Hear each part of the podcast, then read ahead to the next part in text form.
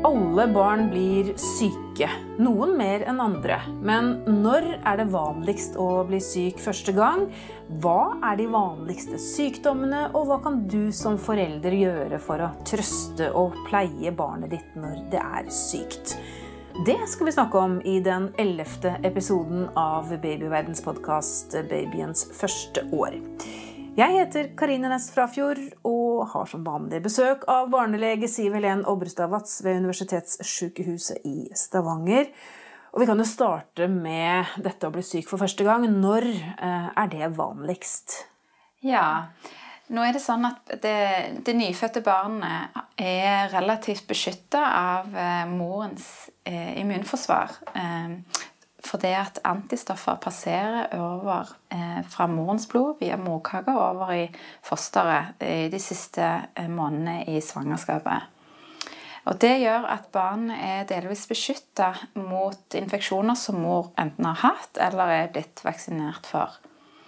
Eh, eh, og Da er barnet beskytta i en periode etter fødselen. Snakk om uker eller eh, opptil måneder, eh, så eh, virker disse antistoffene inn i barnet da. Eh, mens antistoffene avtar eh, gradvis, og en sier det at når barnet er ca. rundt et halvt år, så må barnet klare seg på egen hånd og, og utvikle egne antistoffer. Eh, så immunforsvaret det bygges, vel, det bygges opp ved at barnet utsettes for eh, virale eller bakterielle infeksjoner, og så at det da danner sine egne antistoffer eh, mot de mikrobene det har, det har møtt på. da. Så vi skal ikke være så redd for litt støv og andre basiller? Nei, det, eh, det, er helt naturlig for barnet å gå gjennom gjentatte, spesielt virale Eh, infeksjoner i løpet av eh, småbarnsalderen. Eh, og det gjør immunforsvaret, sterkt. I tillegg så er jo vaksinasjon en viktig del i barnets utvikling av immunforsvaret. Sånn at barnet presenteres da for enten inaktivert, altså dødt Eh, deler av eh, virus eller eh, bakterier. Eller levende, som er på en måte ufarliggjorte deler av bakterier og virus. Og kan da trene seg på å, at det bygges opp antistoffer, sånn at når en nå møter en, den form for sykdom, så vil en kunne håndtere det mye bedre. Men, men hvis man er beskytta fra mor, som du sier, i de første ukene og månedene etter fødsel, er man da beskytta fra å bli syk, eller kan man bli syk likevel? Nei, en er relativt beskytta. Sånn at eh, en kan bli syk, men, men en har en mye høyere eh, på en måte At eh, immunforsvaret er mye mer robust da, mot den sykdommen. Eh, så eh, jeg vil si at de er ganske godt beskytta. I tillegg så hvis mor ammer eh, Ammingen er jo med på å modne immunforsvaret. Og eh, enkelte antistoffer kan òg gå over melk, eller i melken over. Eh, så, og spesielt er jo denne her eh, eh, råmelken, som en kaller det. Den, den, første melken mor produserer, denne sånn strågule melken, den er tett pakka av antistoffer. Så det er veldig eh, lurt hvis en ikke ammer over lengre tid. I fall at en får, Hvis en klarer å få produsert den melken, at en får gitt det til barnet. da. Så er det jo litt spesielt for de barna som er født uh, for tidlig. For de eh, har ikke et så velutvikla immunforsvar hvis de blir født eh, uh, mer enn tre måneder for tidlig. For da har ikke antistoffene fått passert over. Eh, og hos Eh, særlig for tidlig fødte barn, da, hvis de er født mer enn 32 uker, eller under 32 uker, eh, så tilbys de ekstra vaksine når de er blitt sånn 6-8 uker gammel. Er de mer utsatte da for å bli syke? Altså de ja, de er mer utsatt for å få en alvorlig sykdom av, eh, hvis de blir syke, da. Mm. Sånn at det er mye av grunnen til at en, en tilbyr de en ekstra vaksine. Um, Så, men det til å komme tilbake til spørsmålet ditt om når blir et barn syk første gang, så, så kommer det jo egentlig an på hvor utsatt barnet er for smitte. Eh, har barnet eldre søsken som f.eks. går i barnehage eller på skole og kan dra smitten med seg hjem? Eh, eller er barnet enebarn? Eh, så vil jo barnet mest sannsynlig bli syk første gang når det er blir presentert for masse eh, mikrober og virus når det begynner i barnehagen. Så, så det er liksom ingen fasit der når barnet blir sykt for første gang. Men det som er eh, en generell regel, er jo at jo yngre barnet er, jo mer potensielt farlig er det for barnet å bli sykt. da. Siden immunforsvaret ikke er så velutvikla. Det er vel i tre-fireårsalderen at immunforsvaret er på en måte ganske godt utvikla. Men når du sier farlig, hvor, hvor, farlig kan det bli? For det høres så skummelt ut når du sier det på den måten. Ja, er barn mindre enn tre måneder eh, og blir syk, altså at det mm, får feber eller eh, blir medtatt, eh, så bør en eh, få det vurdert av lege og få lagt inn eh, barnet til en vurdering om barnet har en infeksjon, underliggende infeksjon som årsak til feberen. Eh, sånn at det, det kan være potensielt eh, livstruende hvis et barn under tre måneder eh, får eh, høy feber. For da er det oftest en Eller en, en, stor andel av disse barna har en underliggende bakteriell infeksjon, f.eks. Eh, så Men det, det, kommer helt an på hva som er, hva som er på en måte årsaken til at barnet blir sykt. Eh, den underliggende mikroben. Da. Så eh, den vanligste grunnen til at eh, foreldre tar kontakt med lege, er jo feber. Og feber i seg sjøl er, er, ganske uharmelig for et barn. Da. Det er jo, feberen er med på å styrke eh, denne her prosessen som immunforsvaret bygges opp. Sånn at det, det at barnet har feber, er jo et tegn på at barnet jobber at kroppen jobber med å bli kvitt den eh, mikroben. Eh, sånn at eh, Jeg tenker at eh, et barn som har feber, eh, der eh, er det viktigste at, det, at foreldrene er, er, bevisst på et begrep som vi leger snakker om, og det er noe som heter allmenntilstand. Vi, vi snakker mye om hvordan er barnet i allmenntilstand. Og allmenntilstand det går på i forhold til hvordan barnet reagerer på stimuli, hvordan barnet er i bevissthet, eh, hvordan barnet eh, er hydrert, og hvordan barnet er i liksom farge i huden, om det har utslett. Um, og et barn i dårlig allmenntilstand, det er typisk uh, at det ikke er interessert i omgivelsen. Det kan enten være veldig slapt og bare sove, eller det kan være veldig utilpass og griner veldig mye. Eh, det kan være at det, eh, at det orker veldig lite, vil ikke spise eller eh, vil ikke drikke. Veldig vanlig er det jo at barn ikke spiser når det har feber. Og det viktigste er å passe på at barnet får i seg nok væske. Eh, for feberen i seg sjøl gjør jo at barnet svetter ut mye eh, av væsken i kroppen. da.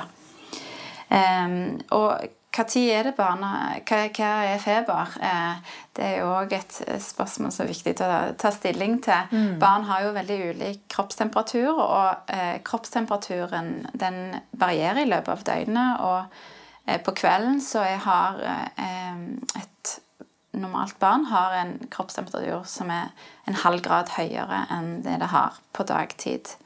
Men vi sier som, som en definisjon at det, når barnet har temperatur over 38 grader, eh, når du måler det eh, i rumpa eh, med sånn termometer, da har barnet feber. Du, apropos det med måling. Jeg syns det var så vanskelig da du hadde barn, små barn selv. Mm. Altså, Hvor skal vi måle? Noen har øretermometer, du sier mål i rumpa, noen kan, ja. kan bruke det i munnen. Altså, er det ulike, Får man ulike resultater? Ja, en gjør det. Og derfor så eh, ønsker vi, men hvis, vi, hvis du tar kontakt med lege og sier at barnet mitt har feber, så ønsker vi helst at du skal ha målt det med sånn rektalt termometer, altså i rumpa. Um, for det gir best uh, Eller den på en måte sikreste uh, uh, verdien i forhold til hva temperaturen er i kjernetemperaturen til barnet. Hvis du måler i pannen eller under armen, så er det mer usikkert. Og jeg må ofte legge til eh, iallfall en halv grad hvis en måler i pannen. En må se litt på det hvis en har det måleinstrumentet en bruker. En må se på bruksanvisningen nesten og så se eh, hva som er anbefalt. Men eh, gullstandarden er vel å måle i, i rumpa, hvis en klarer å få det til. da. Og over 38 grader, da bør man ta affære, eller i hvert fall følge nøye med? Ja, når barnet har feber, så er det viktig å følge med på barnet, spesielt første, første døgnet. For da kan sånn allmenntilstanden kan eh, forandre seg raskt. Eh, og eh, ja, det, det, kan skje endringer. At barnet får utslett, eller at barnet blir blir smertepåvirka eller Ja. Så det er viktig å følge med. Eh, og òg på nattestid. At du vekker barnet f.eks. en gang i løpet av natten og, og ser hvordan allmenntilstanden er. Og eh, ellers eh, står opp hver andre til tredje time og er innom eh, og ser til barnet om det eh, sover rolig, om det puster normalt, om det har fått noe utslett, eller om, om eh, hudfargen er fine.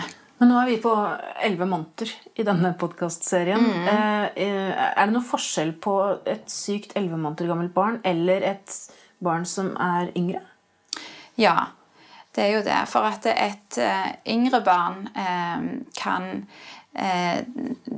Eh, ikke, du ser ikke så lett på et yngre barn om det har vondt, eller smerter, eller om det eh, på en måte eh, Det tåler mindre, da. Tåler mindre dehydrering. Eh, tåler mindre eh, at det blir tett i pusten.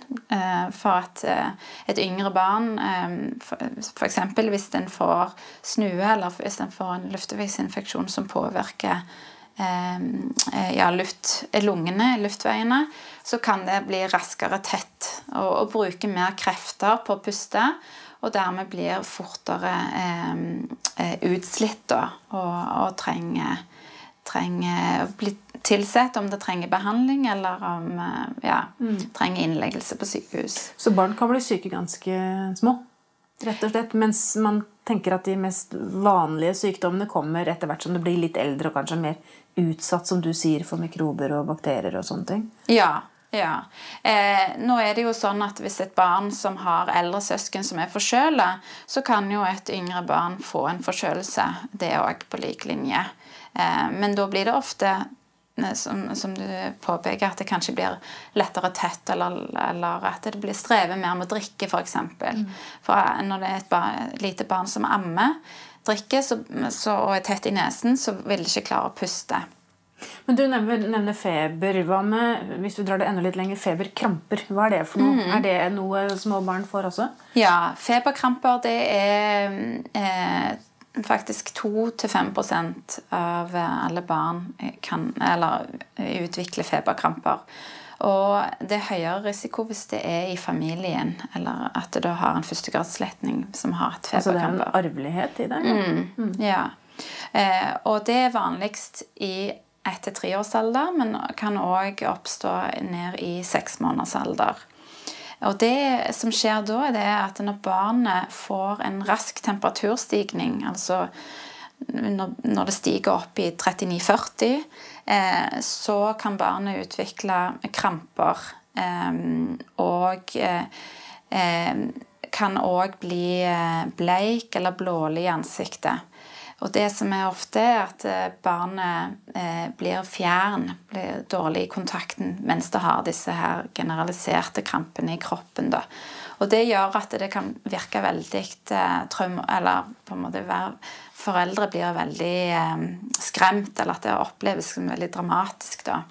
Er det farlig? Um, Nei, eh, det er jo i seg sjøl så er det ikke farlig. Men at eh, en råder jo foreldre å ta kontakt med lege, spesielt når det skjer første gang. men det er ikke sånn at et barn som har feberkramper, har økt risiko for å utvikle epilepsi. Eh, har, det, ikke, har, ikke, det? Nei, ikke det. Hvis mm. det er et barn som er ellers friskt, og ikke har noe sånn Viser noe forsinkelse i utvikling ellers. Um, og um, eh, det er ikke sånn at, du, at barnet pådrar seg en hjerneskade eh, under anfallet. Eh, sånn at, men at eh, de som har hatt feberkramper, de kan gjerne få eh, kramper igjen. Eh, så en tredjedel av de som har hatt feberkramper, kan få kramper igjen når de har raske feberstigninger. Mm. Sånn at en anbefaler jo eh, de som har tidligere hatt feberkramper, om å være eh, litt mer liberale med å gi eh, febersenkende medikamenter når en oppdager at barnet får feber. For, ja, for, å unngå den raske temperaturstigningen. Skal vi gi barn Paracet når de er så små? Ja, en, en anbefaler å gi Paracet hvis barna er redusert i allmenntilstanden, altså, eller smertepåvirka, eh, eller har temperatur over 39,5 grader.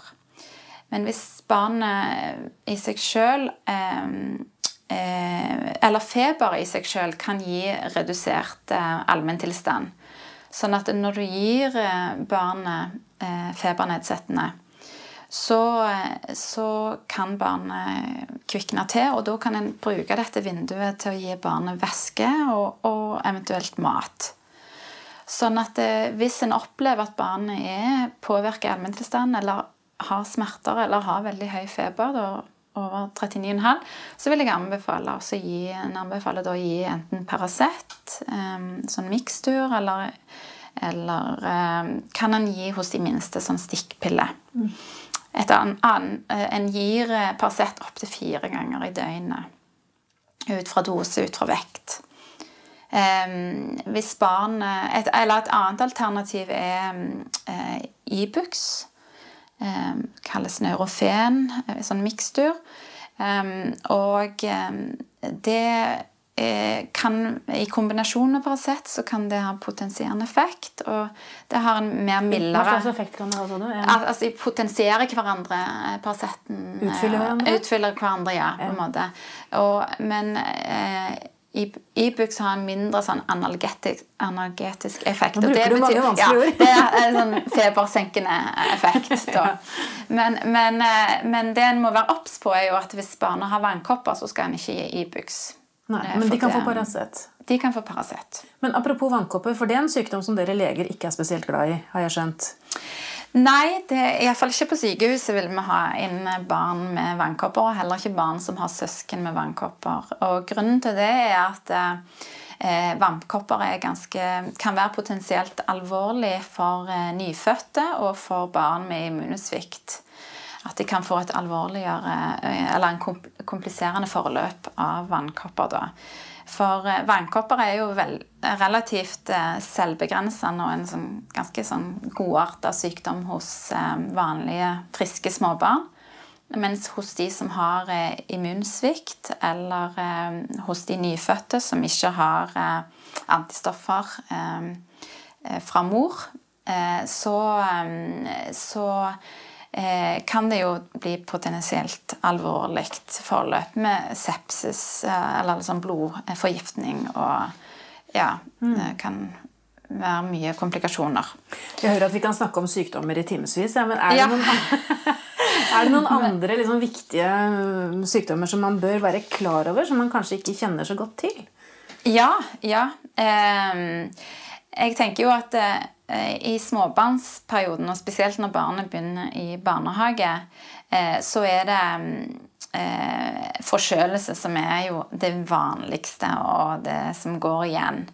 Og et barn kan ha forkjølelse opptil åtte til ti ganger Um, så ofte, ja, nesten I løpet av første, første år i barnehagen. Nesten hver måned, rett og slett? Ja. Hvis vi tar det ja, statistisk? Eller, ja.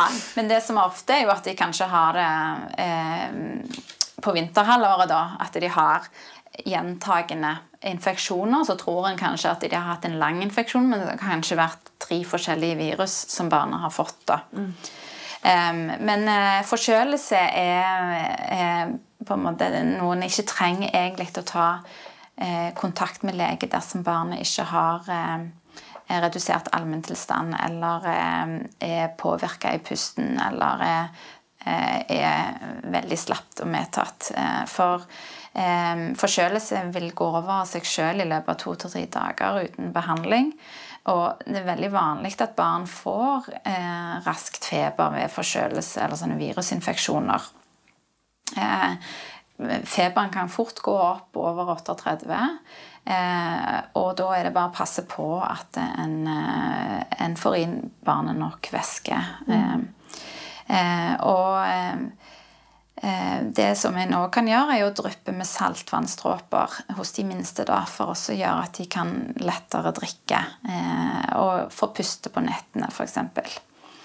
Eh, så er det jo hos de aller minste barna så er det noe som heter RS-virus, som er et virus som kan gjøre at barn blir veldig tett i de luftveiene som er helt Eller de nederste på en måte luftveiene i lungene. Og da kan en, eh, barnet få tung pust, og kan, eh, barnet kan streve med Du kan se på, på, brystkassen at kanskje barnet strever med å puste, eller at det kan høre piping når barnet puster. Eh, og hvis, du, hvis, det er sånn at barnet strever, så bør du kontakte lege. og jo yngre barnet er, spesielt hvis det er under seks måneder, og jo slappere barnet er, så er det viktigere å kontakte tidligere lege. Eh, og, men de fleste barn eh, blir, er utsatt for RS-virus, eh, og de fleste får bare en lett forkjølelse. Eh, med hoste eller Ja, Så man ja. vet ikke engang at man har hatt det? Nei, så de fleste barn når de er tre år, så har de hatt det. Eh, men at en er ikke klar over det. Eh, så det er jo hos de minste at det blir typisk alvorlig, eller at barnet har en underliggende kronisk sykdom, f.eks. astma. Da kan det gjøre at barnet eh, fortere blir tett i, i luftveiene og eh, trenger, trenger, behandling med, med, medikamenter som kan åpne opp luftveiene. Um, så har du òg um, um, dette her med noe som kalles for tredagersfeber, som er veldig vanlig hos små barn. Det er at de får eh, Det starter med det starter med plutselig høy feber, ganske sånn høy, opp i 39-40.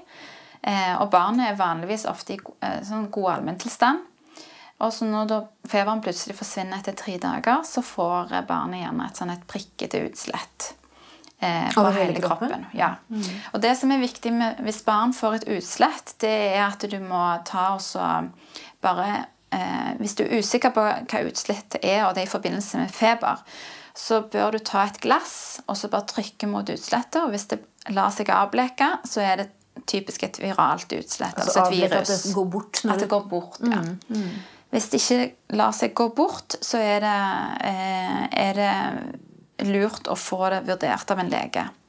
For da er det Du har et spesielt utslett som oppstår med hjernehinnebetennelse, og det er jo et utslett som du vil på en måte, Der må en tidlig i gang med behandling, og da er det viktig å, å få det utelukka. Mm. Um, så har du òg en, en, ganske vanlig barnesykdom som heter hånd-, fot- og munnsykdom. Som uh, kan komme i, um, i uh, Gjerne i epidemier da, i barnehagen. Uh, gjerne i, i høst- og vinterhalvåret. Og det er en virussykdom som gir eh, Begynner gjerne med smerter i munn og svelg og gjør at barnet eh, vegrer seg for å spise. Og i tillegg så har noen lett feber. Og så kommer det da etter hvert utslett eller eh, blemmer eller sår i håndflater og på fotsålene og kanskje i munnhulen. da. Det høres vondt ut. Ja, det, det kan være vondt. Eh, de kan være så eh, smertefulle, de, det utslettet. Og da kan en gi Paracet for smertelindring. Men vanligvis så trenger en egentlig ikke behandle dette utover smertene. da. Men hvis man får sår, skal man gjøre noe med de? Eller blemmene? Nei, men det er viktig med god håndhygiene. De Eh, hvis, hvis, en får sår, så må en jo bare se, følge med på at de ikke blir på en måte infiserte. da. Mm. Men det er jo for å unngå smitte videre, så må en passe på å ha god hygiene. Eh, og, så hvis en er usikker på om det er vannkopper, disse her små blemmene, så eh, Det som skiller dette fra vannkopper, da, hvis de har bare noen få små blemmer rundt omkring, det er at vannkopper klør. Sånn at, eh, at hvis du får vannkopper, så er de ofte sånn væskefylte små blemmer som klør. Um, og vannkopper sprer seg ofte fra hodebunnen og ansiktet og nedover kroppen, mens dette er mer lokalisert i hånden og under føttene og i munnen. Mm. Um, så jeg tenker at, det, at uh, en bør oppsøke lege hvis barnet får en uh, temperatur som over 40 uh, når du måler det i rumpa. Du sa 38 i stad.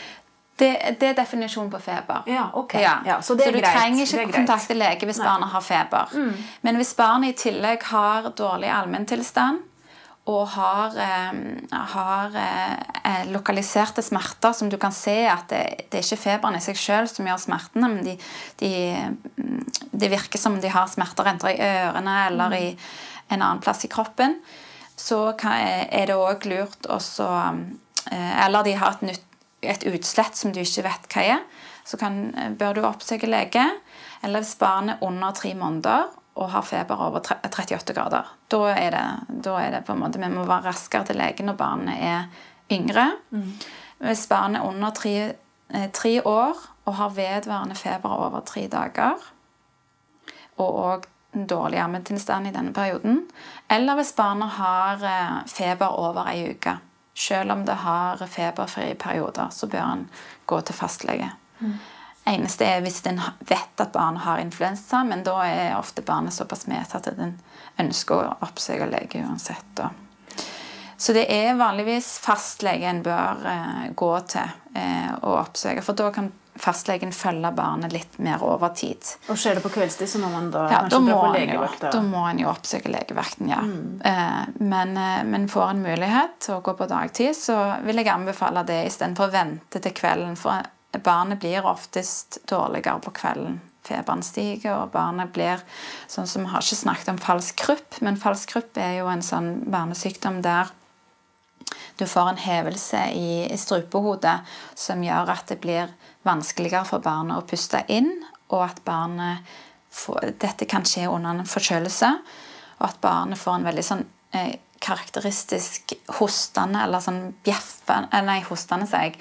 Gjøende eller, eller bjeffende hoste. Mm. Eh, og det du kan gjøre da eh, hvis barn, For barn blir typisk dårligere på natt, kanskje et par timer etter at barnet har lagt seg og sover. Og det du kan gjøre da, er å løfte barna opp, holde de oppreist stilling, og gjerne gå ut i frisk, kald luft eller åpne et vindu, sånn at barnet får frisk, kald luft på seg. For det kan dempe eh, på en måte luft, eh, luftbesvær, eller liksom det besværet barnet har for å puste. Og så er det viktig å være rolig, og, mm. og at barnet ikke stresser, eller at du ikke stresser sånn at barnet blir stresset. Og da ta gjerne kontakt med lege. For, også, for på, eh, på, legevakten så har de sånne medikamenter som du inhalerer, eller barnet inhalerer, da, som gjør at luftveiene åpner seg. Skal vi helt avslutningsvis mm. si litt om vaksiner? Fordi eh, ja. Når barna har blitt 11 måneder, så har de vel vært igjennom to doser allerede. Mm. Og så skal de få den tredje dosen eh, på 12 måneder. Og dette er jo for relativt sjeldne sykdommer. Men vil denne vaksinen beskytte mot andre typer sykdommer også, sånn som vi har nevnt her? Eller er det kun mot Nei, Nei. disse vaksinene som du tar, de, eh, de beskytter kun mot de, eh, de, mikrobene eller de virusene eller bakteriene som, som eh, vaksinen er lagt eller meint å beskytte mot. da. Så det er jo en kombinasjonsvaksine de fleste har fått da, ved, tre, ved eh, tre måneder, fem måneder og tolv måneder. Um, og så er det òg um, en uh, De fleste har òg fått en sånn drikkevaksine mot rotavirus uh, uh, rundt seks uker. Og så igjen får de en, en ny dose ved tre måneder. Og, men disse er, jo meint for å beskytte barnet mot potensielt alvorlige sykdommer som kan gi varige men, eller som kan gi, gjøre at de blir alvorlig syke tidlig. Sånn at det er på en måte lagd vaksiner for å, å beskytte barnet mot, eh, mot eh, virus og bakterier som, som en ser ellers i verden, der en ikke har så høy vaksinasjonsgrad, at barn dør av i tidlig alder. da. Mm. Sånn at, eh, at, disse vanlige luftveisinfeksjonene og disse vanlige barnesykdommene de, eh, de vaksinerer en ikke mot. Men, der har vi immunforsvaret. Der har vi immunforsvaret. ja. Men sånn som vannkopper, så kan en jo gi immunoglobuliner til de nyfødte som, som, som en slags vaksinasjon mot, mot å bli alvorlig syk. Du, jeg sa jo at vi kunne snakket om dette timevis, og det kunne vi jo. Men jeg tenker ja. at vi har jo denne fantastiske spedbarnsboken som man får gratis eh, på sykehuset når man føder, eller kan få direkte fra babyverden. Du har jo skrevet i den selv. Ja. Eh, og der står det jo òg mye om eh, sykdommer og symptomer og hva man skal gjøre. Så vi kan jo heller anbefale at man tar en, eh, en god titt i den boken. Leser Absolutt. om mm. sykdom, setter seg litt inn i det. For det er klart at jo mer man vet før man havner i en situasjon, jo lettere er det jo å takle det som kommer også. Um, takk til deg, eh, barnelege Sivelen Obrestavat. Og vi skal straks snakke med psykologspesialist Grete Tangen Andersen om nettopp det å være litt sånn nervøse og bekymra foreldre når barna blir syke.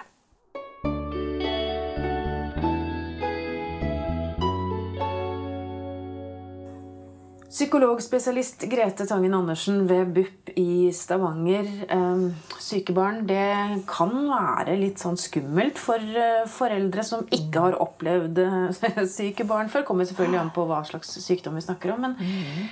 er det noe du kjenner deg igjen i? At, eh, at man er veldig usikker på hvordan man skal reagere?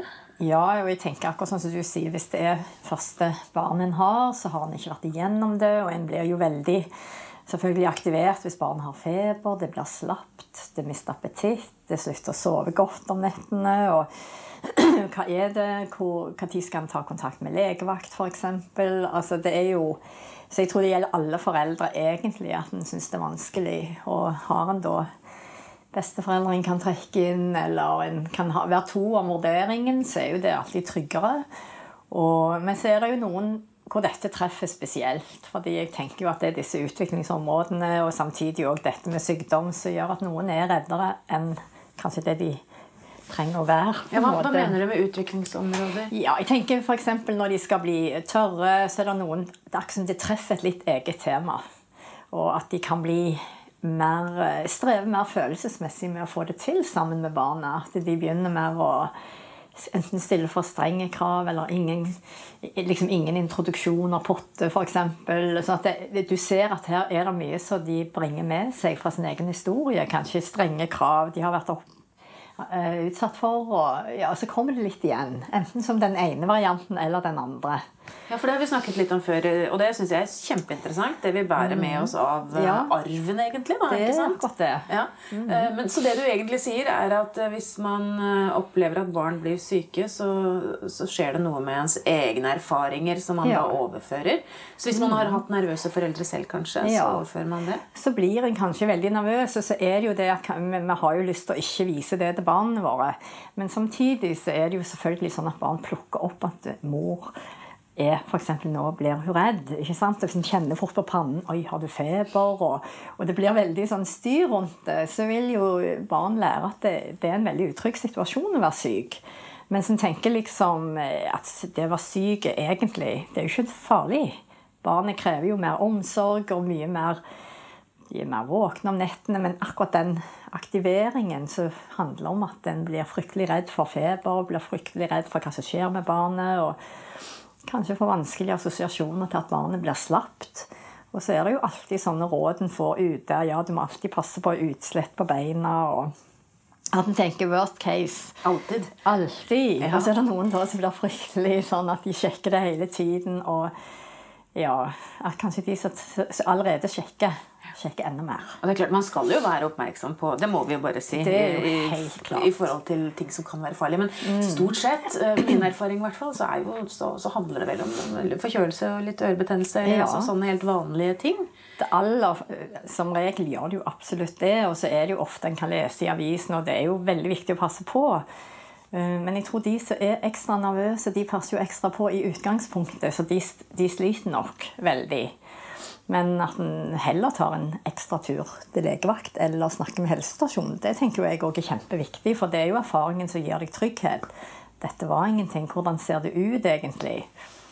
Men jeg tror jo det, jeg har jo sjøl vært litt sånn opphengt i feber, og, og, jeg har to sønner, og de er litt opphengt i det sjøl. Ja. Jeg merker at de har fått et, Man har måttet snakke litt om det. Hvorfor tåler de dårlig og ikke føler seg helt fit for fight hele tiden. Du lever som du lærer, du. altså Rett og slett. Du har, rett og slett. Ja. og de sier det til meg, og du ble jo alltid så nervøs når vi var syke og hadde feber. Og så tenker jeg ja, jeg ble jo det. Jeg ble liksom litt ekstra aktivert. Mm. Og det blir de òg. Men de får jo et bevisst forhold til det, men samtidig så sitter det nok litt i kroppen. Men, men hvilket råd har du da som psykologspesialist mm. til foreldre som, som, som, kjenner på den der uroligheten som er litt mer enn vanlig? Ja, så jeg tenker jo at en må bare prøve å snakke litt om det sammen med andre voksne en omgås. Og, og si nå ble jeg veldig nervøs og redd for dette. og Bør jeg gå til legevakt? ikke sant? Og Så kan andre, andre bringe inn sin erfaring. Og hvis en har foreldre som kan være med på det, så min mor var jo helsesøster, så jeg tenker jo at det var begge deler. Både det at du var god til å berolige, men samtidig alltid litt aktivert sjøl. Du, du fikk det i arv òg, du? ja, da fikk jeg det òg, ja. men jeg tror det er en vanskelig følelse en sitter med, tror jeg. Og den kan en egentlig bare få litt hjelp av andre til å håndtere. Men er vi, er vi blitt mer eh, jeg holdt på å si, Vi har jo så mye kunnskap i dag. Ja. Vi har Internett, og vi kan google absolutt alle symptomer. Mm. Er vi reddere i dag enn vi var for noen år siden? I alle fall, sånn som du sier, google, så har vi det tilgjengelig. Mm. Og vi vet vel alle som har googlet litt rundt at nesten alle ting ender opp med noen alvorlige diagnoser òg. Så derfor så betyr det at det er egentlig en klinisk vurdering en spesialist må gjøre. Det er ikke sånn du egentlig, Hvis det gjelder sånn å lese seg fram til en diagnose, eller noe sånt, og det er jo det som ofte skremmer folk veldig. At de føler at 'oi, kan det være det?' Ikke sant? Og så ja, det syns jeg er veldig typisk hvis en googler litt rundt på ulike typer symptomer. At det står alltid helt enkle, lette 'Dette trenger ikke være noen ting', og så kan det være veldig, veldig alvorlig. Men så er jo sannsynligheten enormt forskjellig. Ja. For det ene og det andre. Men det er som du sier, at man, man, kanskje kan få litt hjelp fra de rundt seg. Men så har vi jo mm. tidligere snakket om at kanskje er den forrige generasjonen, altså foreldregenerasjonen, mm. eh, litt sånn utdatert. Eh, ja, det tror jeg òg. Ikke sant? Ja. I, I de rådene de gir. Ja, så det er litt sånn, Nå snakket jeg veldig negativt om det å google, men det er jo klart det å lese seg litt rundt og så òg se dette alminnelig. Men jeg tror jo at hvis en blir engstelig over en viss grense, da, at en ikke klarer å slippe tanken, da kan en nok enten oppsøke fastlege eller helsestasjon, snakke med helsesøster og si hva er det, skal jeg bli alarmert for dette? og for det er noen ganger angsten blir så høy at du tenker på det hele tiden. Og det er jo klart både vanskelig for en sjøl, og så er det noe barnet må leve i. For egentlig så, så tenker jo jeg òg, når en tenker tilbake på barndom, at en tenker at det å være syk skal òg være en litt sånn koselig og situasjon hvor du kanskje får litt ekstra kanskje litt sjokolade, eller du skal få lov til å ha det godt når du er syk. Jeg husker jeg lå på sofaen til bestemor under pleddet og fikk godteri. Det var jo stas å liksom ha vondt i halsen eller være litt forkjøla. Ja. Og det er det jeg tror er sånne gode minner, og sånne trygge minner. Mm. Når du kjenner at liksom, jeg føler meg litt syk. og at det blir òg en sånn fin, koselig stund hvor du skal få lov til å tre litt ut av den vanlige hverdagen og slappe av og bare nyte å være sammen med en av de nærmeste. Og, Så la oss ja. snu sykdom til noe positivt? Det, ja, jeg tror faktisk at mange kan òg få snudd det til det positive. At det minner om de vanlige barnesykdommene og forkjølelsene. At det, det, er jo noe positivt og godt med det òg. Ja. Du kommer litt ut av tralten. Mm. Men det, det, som er utfordrende med barn som nå er 11 måneder, er jo at de har jo ikke språk. Eh, sånn at Nei. De kan jo heller ikke fortelle hva som er feil. Så, så, så, hvordan skal man tolke da, et sykt barn? Ja, det er jo litt, altså Feberen er jo den enkleste, for det kjenner du. Mm. Og, og, hvis de hoster eller tetter utover det, så tenker jeg hvis en merker at barnet gråter mye, og du forstår ikke hva og hvorfor, så ville jeg nok oppsøkt lege og tenkt at det kan det de kan jo ha vondt i magen òg, men jeg ser jo først om ting er håndterbare, hjelper det med trøst. Men det er jo mange av disse tingene som har litt symptomer vi gjenkjenner òg. Men en skal gjenkjenne ting òg, syns jeg. At eh, Hvis barnet gråter og blir litt slapt, og du forstår ikke hvorfor, og de har ikke forkjølelsessymptomer, så er det jo klart at du begynner å tenke ja, hva da? Og da er det jo greit å spørre de som virkelig har greie på det. Ja. Ja. For det er mye enklere å forholde seg til det man kan se. Sånn som du sier. Altså? Feber Ja. kan man måle. Og, Det kan du måle. og snørr og snue, det kan man se. Ja, Og øreverk tar de seg jo veldig ofte opp til øret, sånn at du får liksom litt holdepunkter for hva det er. Men så er det jo sånne ting òg. En må jo sjekke og se om barnet trenger penicillinkur. Så det er jo noe en skal hele tiden En er jo litt på alerten hele tiden når barnet er syke, og det skal en jo være. Jeg tenker mer den der angsten som gjør at det, det videreføres en ganske ubehagelig situasjon til barnet òg. Fordi en ikke helt klarer å takle den frykten du får. Så, så det som egentlig da er beskjeden til litt overnervøse foreldre, det er jo at man må prøve å øh, skjule det, da, heller. Jeg tror ikke du kan skjule alt, for jeg tror nok jeg for eksempel, når jeg tok meg fram som et eksempel, tror jeg prøvde å skjule det. Ja. Men eh, så tar du opp til pannen, og, og de barn gjennomskuer deg fort. De observerer som hauker, og de får det med seg at det er noe. De vet jo, sånn som du sier, elleve måneder, så kan ikke jeg formidle via språk hva det er for noe jeg tenker. Så det, at det er, det er noe der som bare formidles nonverbalt. Ja. Og det er jo noe som blir òg litt uforståelig for babyen. Ikke sant? At det lille barnet da, på elleve måneder. Så det er lettere når de bruker språk, men det er ikke like lett å formidle hva det er. Mm. kan det være skadelig, tenker du? Altså, jeg, tenker Sønnene dine har nok ikke tatt noe skade av at de er opptatt av feber. fordi Nei, du var det, men, men, men det med eh, Og jeg syns det er kjempeinteressant. Det med å overføre liksom, egne følelser til barnet. da, Mm. Ja. eh, På godt og vondt.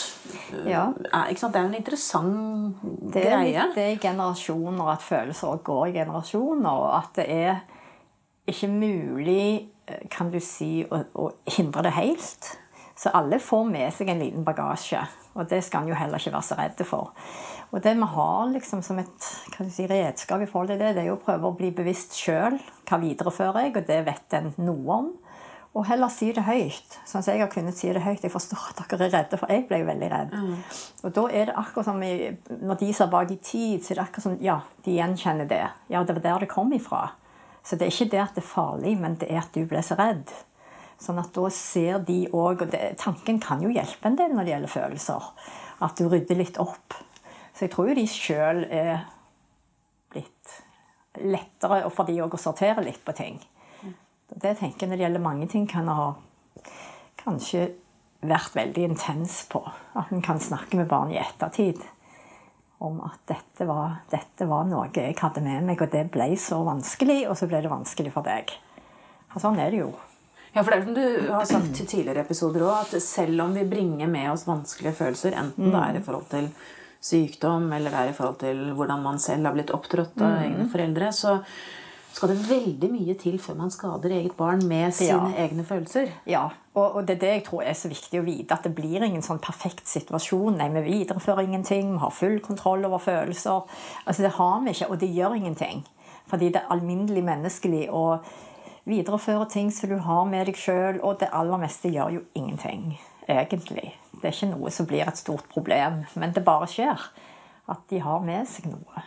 Og da tror jeg det er lettere for barn å tenke når foreldre sier åh, ja, ja, det syns jeg var vanskelig, enn at en på en måte prøver å skjule og liksom legge lokk på det og si nei, nei, det kjenner jeg ikke igjen. Det, da kjenner jeg litt opphavet. og Så, så det du sier er at det er greit, men da må barnet være litt eldre. ikke sant? Det er greit å Ja. ta opp igjen disse temaene når, barnet, når de er store Ja. nok til å forstå. Ja. Og det tror jeg mange foreldre gjør ganske intuitivt. At de sier 'Å, jeg stresset sånn når du skulle det og det'. ikke sant? Og f.eks. være ute i mørket. ikke sant? Så mange foreldre er redde for. Huskrefleks, ja. ja. ikke sant? Og, ja. Så da er det jo klart en kan bare si noe om det. Ja. Og det er ikke så farlig Og være litt ærlig på egne Vær litt følelser. ærlig på det og bare si det. Sånn var det. Og jeg vet at hvis du syns du ble begrenset, så ble du kanskje det. Det var ingen feil oppfatning du hadde. Og Det handler om å anerkjenne barnets følelser òg. Det akkurat da anerkjenner du det. Og så det å bekrefte det, si ja, det var sånn det var, faktisk, det var mitt, og det er ditt. For det er jo veldig viktig at de vet. Så ikke de begynner å bli litt forvirret på hvor ting kom ifra følelsesmessig. Tusen takk til deg, psykologspesialist Grete Tangen Andersen. Ehm, I neste episode, som er den siste i denne serien om barnets første år, så skal vi snakke om et stort eh, skritt i barnets liv, nemlig barnehagestart. Du har hørt Babyens første år, en podkast fra babyverden. Lurer du på mer om hva som skjer med babyen din, eller har spørsmål rundt foreldrerollen, så anbefaler jeg deg å laste ned Babyverden-appen, eller gå inn på nettsiden vår babyverden.no, hvor du finner tusenvis av kvalitetssikrede artikler om nettopp babyer. Jeg heter Karine Næss Frafjord. Takk for at du hørte på, og jeg håper du vil følge oss videre i babyens utvikling måned for måned.